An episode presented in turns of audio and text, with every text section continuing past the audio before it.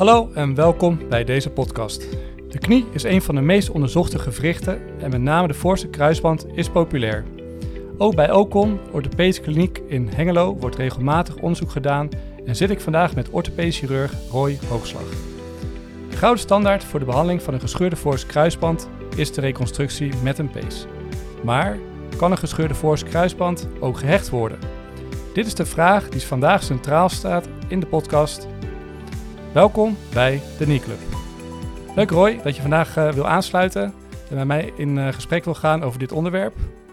Een onderwerp waarin jij je laatste acht jaar hebt uh, verdiept. En stel je vooral zelf even voor aan de luisteraars. Dank dat ik hier mag zijn. bedankt voor de introductie. Het antwoord op je vraag is trouwens ja, hij kan worden gehecht.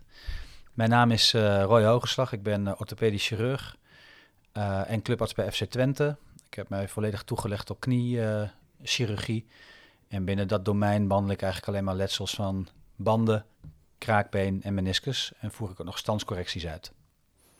Nou, met die, deze kennis zitten we in ieder geval uh, vandaag op de goede plek. Je hebt ook, uh, zoals ik al zei, uitgebreid studie gedaan naar de, uh, de hechting. Kan je in het kort iets over, de, over je studie vertellen? Ja, zeker. Het is dus een, een, promotietraject geweest wat we zelf hebben gestart binnen Ocon na mijn opleiding. Dus als orthopedisch chirurg heb ik dat gedaan.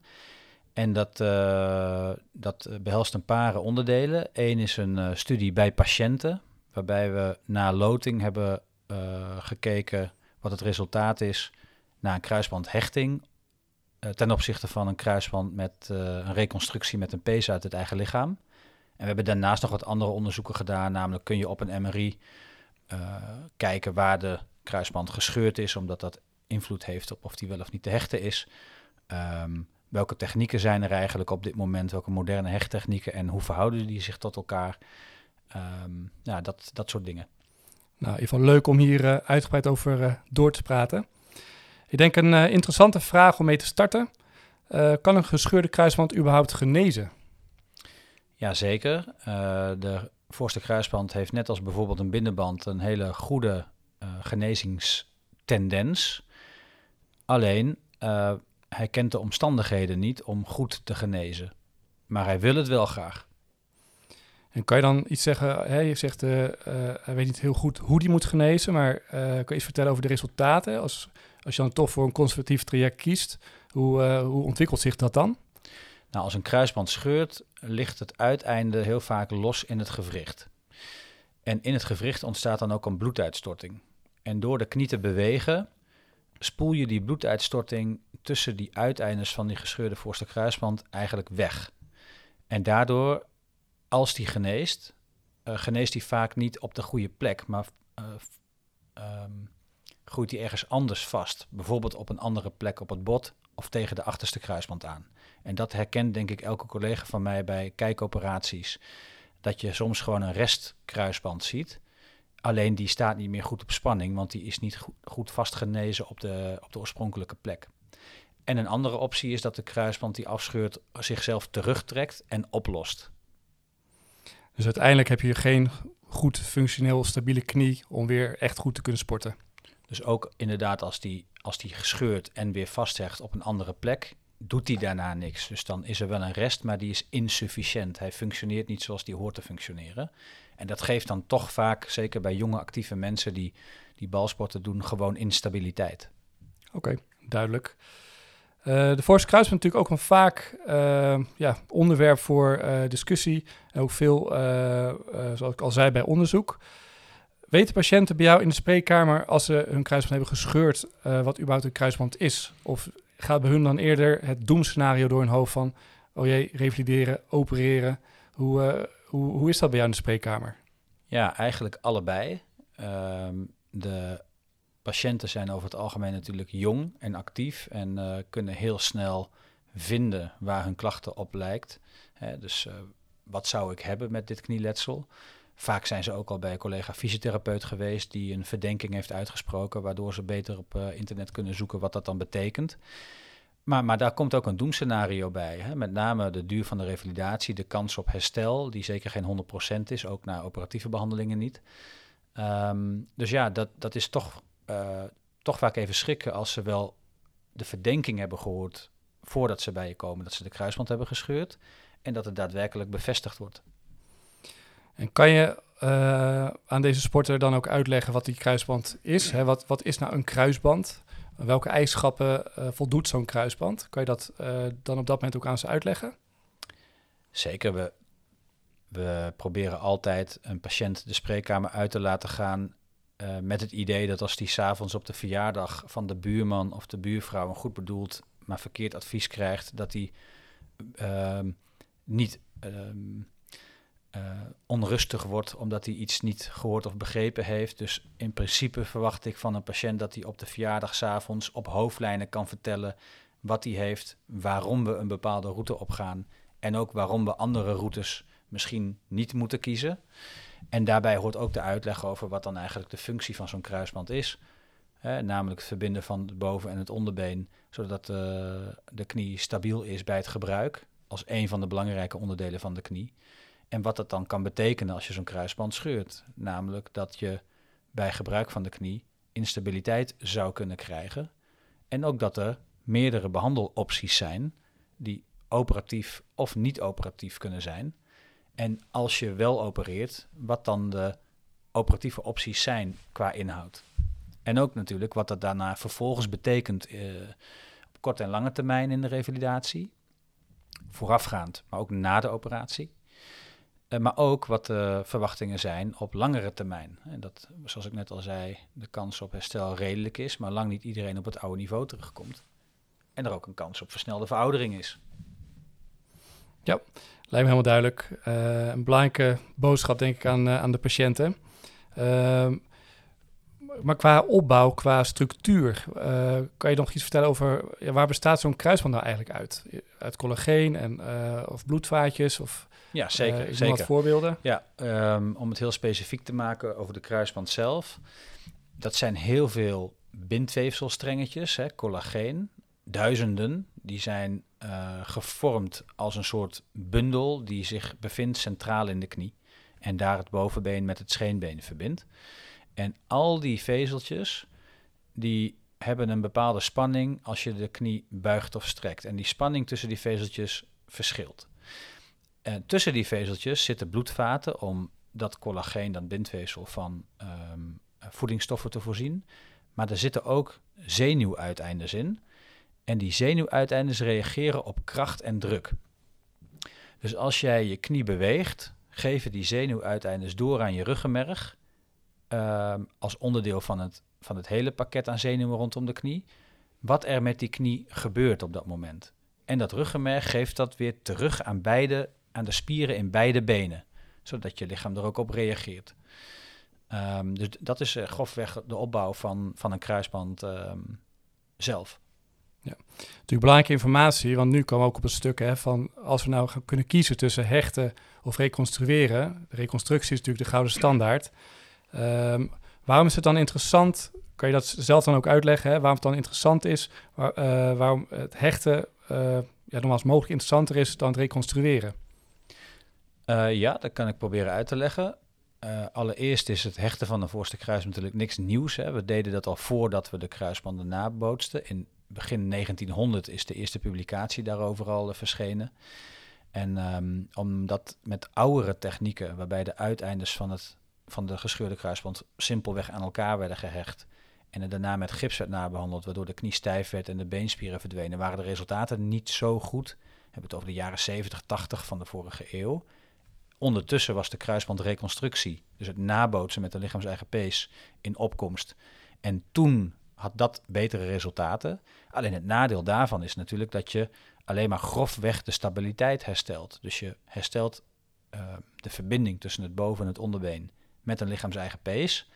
Maar daar, daar zitten bijvoorbeeld geen zenuwuiteindes in die die terugkoppeling naar je ruggenmerg en naar beide uh, benen uh, geeft. En daarnaast kun je ook last hebben van de plek waar de pees die je gebruikt bij een kruisbandreconstructie uit je lichaam wordt gehaald. Um, en we weten ook dat ook na een kruisbandreconstructie de kans op versnelde veroudering van het kraakbeen, dus artrose, ook nog steeds toegenomen is. Dus dat maakt dat um, eind jaren 90, begin jaren 0 er weer wat meer interesse kwam in het oude alternatief, namelijk het hechten van de voorste kruisband in plaats van het nabootsen met de lichaams-eigen pees. Om te kijken of we die nadelen van een reconstructie met nieuwe inzichten en nieuwe technieken voor het hechten niet toch konden uh, wegpoetsen. Juist, de hypothese is dus dat artrose ook, hè, de kans op uh, slijtage van het gewricht uh, kleiner wordt door het herstel van de normale biomechanica van het gewricht. Door het hechten van een kruisband, kan ik dat zo zeggen? Um, ik denk dat dat een utopie is die niet helemaal, die, wat, dat gaan we nooit bereiken om een aantal redenen. Ook na het hechten van een voorste kruisband is die kruisband niet normaal, want hij moet immers genezen en daar gaat verlittekening mee gepaard.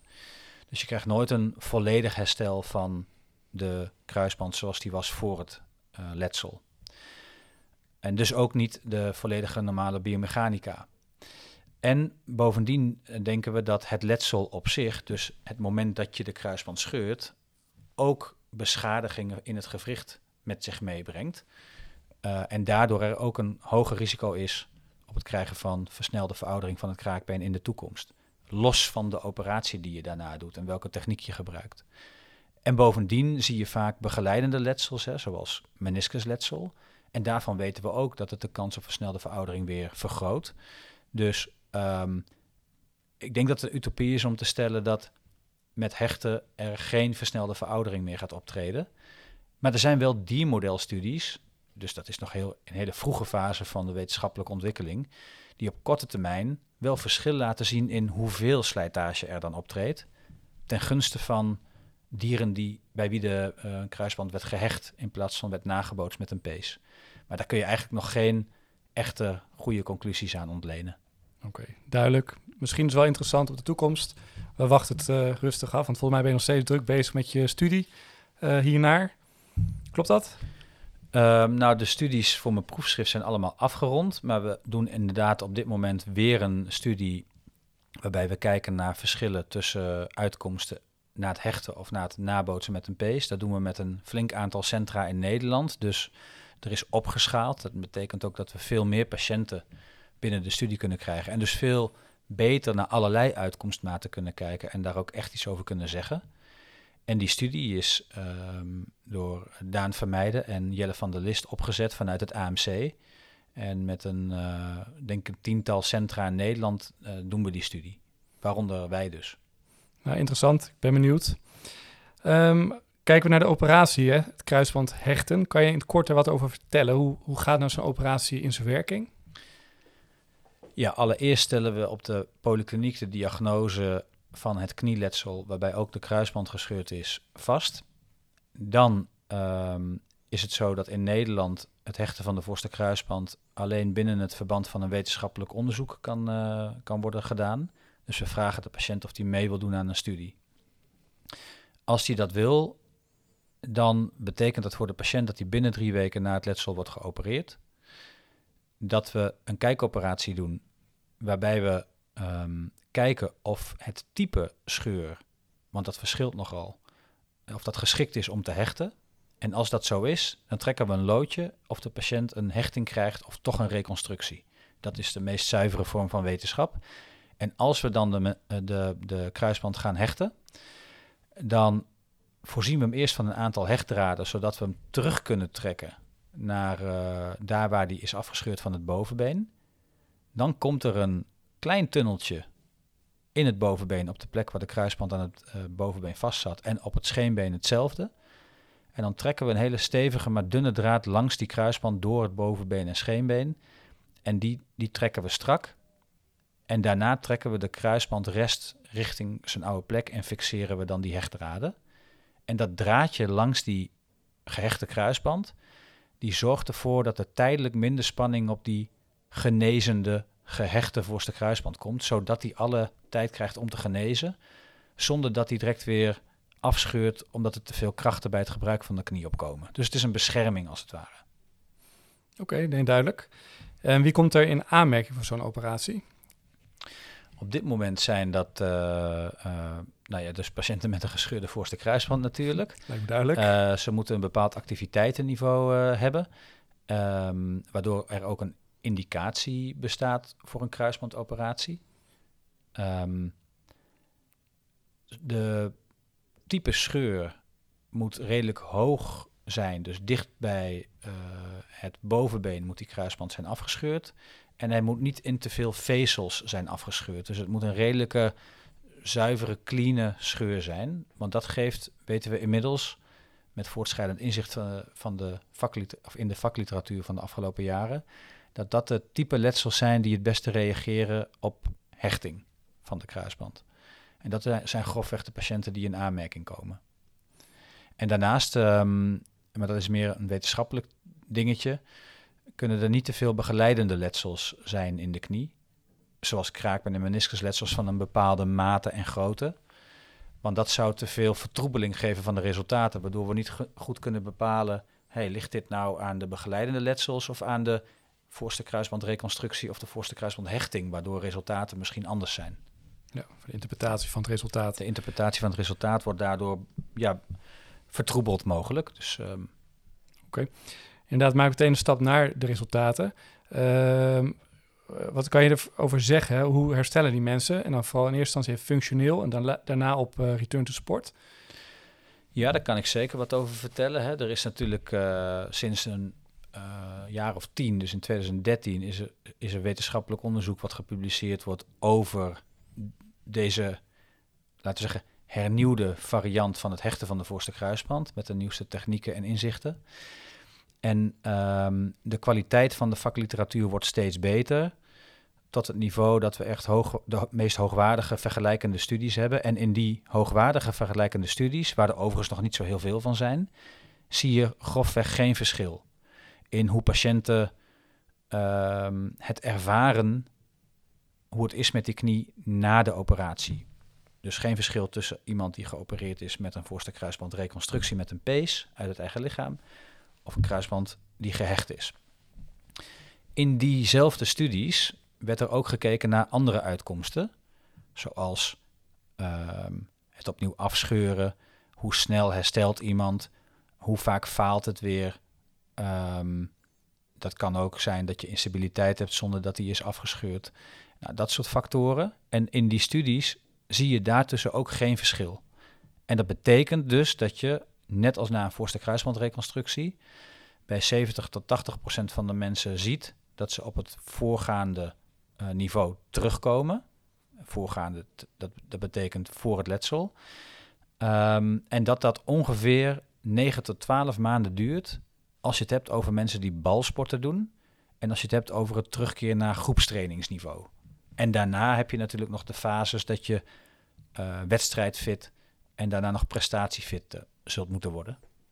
Ja, dat is de laatste stap altijd in de revalidatie. Ja. De meest moeilijke over het algemeen. Dan beginnen mensen hun handen te jeuken om weer te gaan sporten. Dat is altijd de grootste maar, maar ook, ook in de eerste fase zag je in ieder geval in onze studie geen verschil. Hè? Dus hoe, hoe snel herstel je voor het normaal lopen in het dagelijks leven? Uh, wat natuurlijk ook super belangrijk is. Uh, al, al, is het alleen al om weer werkzaamheden te kunnen hervatten. Dus ook daar in de vroege fase zag je ook geen verschil. Maar daar hebben we ook niet heel specifiek um, um, een ander beleid opgezet. We hebben de revalidatieprotocollen tussen de twee groepen gelijk getrokken. Om niet ook daar een vertroebeling te krijgen in de resultaten. Dus het kan best zijn dat nu met, de, met het voorschrijdend inzicht um, mensen na een kruisbandhechting sneller kunnen laten revalideren. Het zou kunnen. Ja, dus er zijn wel wat in de vakliteratuur wel wat suggesties voor. Maar het doel moet natuurlijk uiteindelijk zijn dat het uh, in die end goed komt. En niet dat het over drie maanden sneller is, maar dat je uiteindelijk een slechter resultaat uh, daarmee bereikt. Het resultaat is volgens mij altijd leidend op uh, het eindproduct. Het eindproduct, zeker. Ja. maar ook nogmaals weer interessant, hè? dus functioneel en ook op basis van return to sport. Beide zijn zo, ja, gelijkwaardig aan elkaar. En, in, in, de, in, de, in, de studie. in de hoge kwaliteit studies waar er weinig van zijn met weinig patiënten, zie je geen verschil. Maar we zullen nog meer studies moeten doen met grotere patiëntenaantallen, om ook over die uitkomstmaten echte goede uitspraken uh, te kunnen doen. Tot nu toe hebben we het dus vooral gehad over je resultaat van je, onderzoek. En als we kijken nu uh, met de kennis die we nu hebben, je geeft al een beetje aan, hè, er moet meer onderzoek gedaan worden. Uh, als we nu naar de praktijk toe brengen, ehm, voor welke populatie patiënten is uiteindelijk, denk je, de uh, behandeling interessant om uh, straks te krijgen? Ook weer in de toekomst. Uh, als we dit meer willen gaan doen, hè, als blijkt dat het een goede ingreep is, voor welke patiëntengroep is dit uiteindelijk een interessante behandeling? Is dat voor de jongere sporter? Is dat voor de mensen die wat meer op ADL gericht zijn? Kan je er iets over vertellen? Ja, het mooiste zou natuurlijk zijn dat dit de kruisbandreconstructie met een uh, lichaams-eigen pees zou kunnen vervangen, omdat je dan niet meer de nadelen van het verwijderen van die pees hebt um, en wel de potentiële voordelen van, het, uh, ja, van de terugkoppeling van de zenuwuiteindes die je behoudt. We weten het eigenlijk nog niet zo goed. Um, in de beginfase zie je natuurlijk wel dat uh, als zo'n nieuwe techniek er is, dat er ook studies komen die zeggen ja, het is allemaal niks. En dat er daarna, als de kwaliteit van de studies wat beter wordt, dat je eigenlijk zegt, ja, misschien is er wel helemaal geen verschil tussen, tussen de huidige gouden standaard reconstructie en de repair. Dus dat, dat, is, um, dat is nog niet helemaal goed te zeggen. Uh, wat mij betreft is het wel inmiddels met de vakliteratuur die er is bewezen dat met de nieuwste moderne uh, technieken sommige gescheurde voorste kruisbanden heel goed kunnen genezen als je ze hecht. En ook een heel goed resultaat kunnen geven. Dus waar we nog verder in moeten ontwikkelen is dat we, bij, dat we inzicht moeten krijgen in welk deel van de patiënten met een gescheurde voorste kruisband dit nou een even goede of betere techniek is dan de huidige gouden standaard een reconstructie.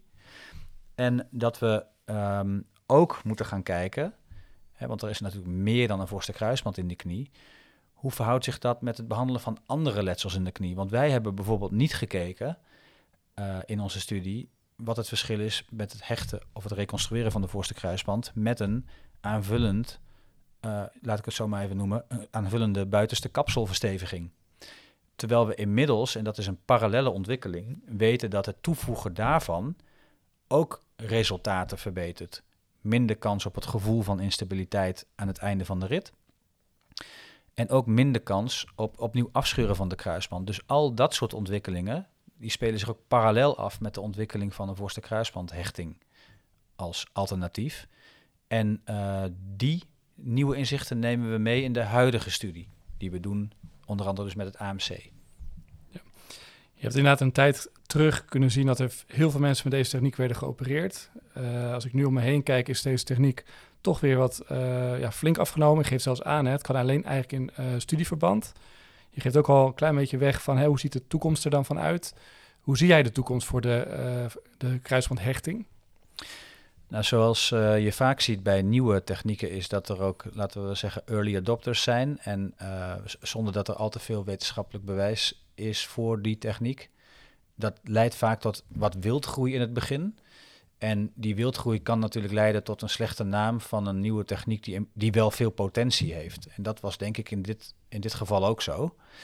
Dus we hebben als NOV, uh, richtlijnencommissie van de VKB-richtlijn, gezegd: Nou, dat hechten, dat, oké, dat, dat heeft potentie.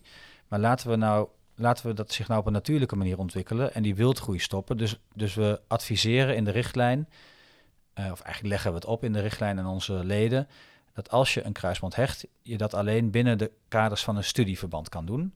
Omdat we nog moeten kijken wat de plek is van deze techniek binnen het, het landschap van, van mogelijke behandelstrategieën. Um, dus, dus dat is denk ik ook de reden dat je eerst dit wat meer zag. En vanaf een jaar of vijf geleden, toen die richtlijn uitkwam, dat weer wat inzakte. En het alleen wordt gedaan ja, in bepaalde klinieken binnen, uh, ja, nog, nogmaals zo'n studieverband. Um, ja, en, en het andere deel van je vraag ging over de, de ja, hoe toekomst. Hoe zie jij de toekomst inderdaad van en, de... en die toekomst die zie ik uh, uh, zo, dat ik denk dat het een um, blijvertje is. Omdat we gewoon echt zien dat het werkt, maar dat het... Um, meer mainstream wordt, meer een vast onderdeel wordt van ons zeggen, behandelalgoritme. Dus welke keuzes hebben we in de behandeling? Als we meer duidelijkheid hebben over ja, wie nou wel en wie nou, wie nou niet geschikt zijn voor, voor, deze, voor deze techniek. en ja, dat is nog toekomstmuziek en daar is meer wetenschappelijk onderzoek voor nodig. Dat, dat leidt ook uh, meteen tot mijn laatste vraag. Hè, van uh, welke hoorders zouden volgens jou nog genomen moeten worden? Nou, een daarvan is dus wetenschappelijk onderzoek. Zijn er nog andere ja, wetenschappelijk onderzoek kun je een horde noemen. kun je ook heel leuk noemen. En, uh, en, en denk, ik, dus ik denk dat, um, ja, dat daar moeten we gewoon effort in stoppen met z'n allen. Om, um, om te kijken of, uh, ja, of, we, of we die duiding kunnen geven aan deze techniek. Um, dus ik denk dat dat ervoor nodig is. Wat er voor nodig is, is, is dat je gewoon heel duidelijk kan zeggen, gestaafd met wetenschap, op, dus op wetenschappelijke basis. hey, dit, dit, hier, hier moet je het wel doen en daar moet je het niet doen. We hebben dat allemaal onderzocht en we, en we zijn tot de conclusie gekomen dat het wel een rol heeft, maar dat het een, een onderdeel is van je gereedschapskist. Dus ik denk dat het nooit een volledige vervanging gaat zijn van, uh, van een kruisbandreconstructie. Met de inzichten die ik er nu over heb. Hè. Die kunnen natuurlijk in de toekomst veranderen. Um, maar dat het een onderdeel gaat zijn van onze, van onze toolkit. Ik ben heel benieuwd. Ik uh, hoop uh, steeds vaker in deze techniek dan toch in de toekomst weer terug te gaan zien. Als er meer duidelijkheid komt vanuit dus het onderzoek. met deze vraag komen we ook aan het einde van deze podcast. Roy Ival, bedankt voor je interessante bijdrage en uitleg over dit complexe onderwerp. En hopelijk inspireer ook met je studie weer anderen om tot een mooie bandentechniek te gaan komen. ja, voor het behandelen van de kruisbandblessure. Nogmaals dank. En ja, mocht je meer willen weten over de kruisbandblessure, kijk dan op uh, www.denieclub.com. Bedankt. Graag gedaan en bedankt voor de uitnodiging.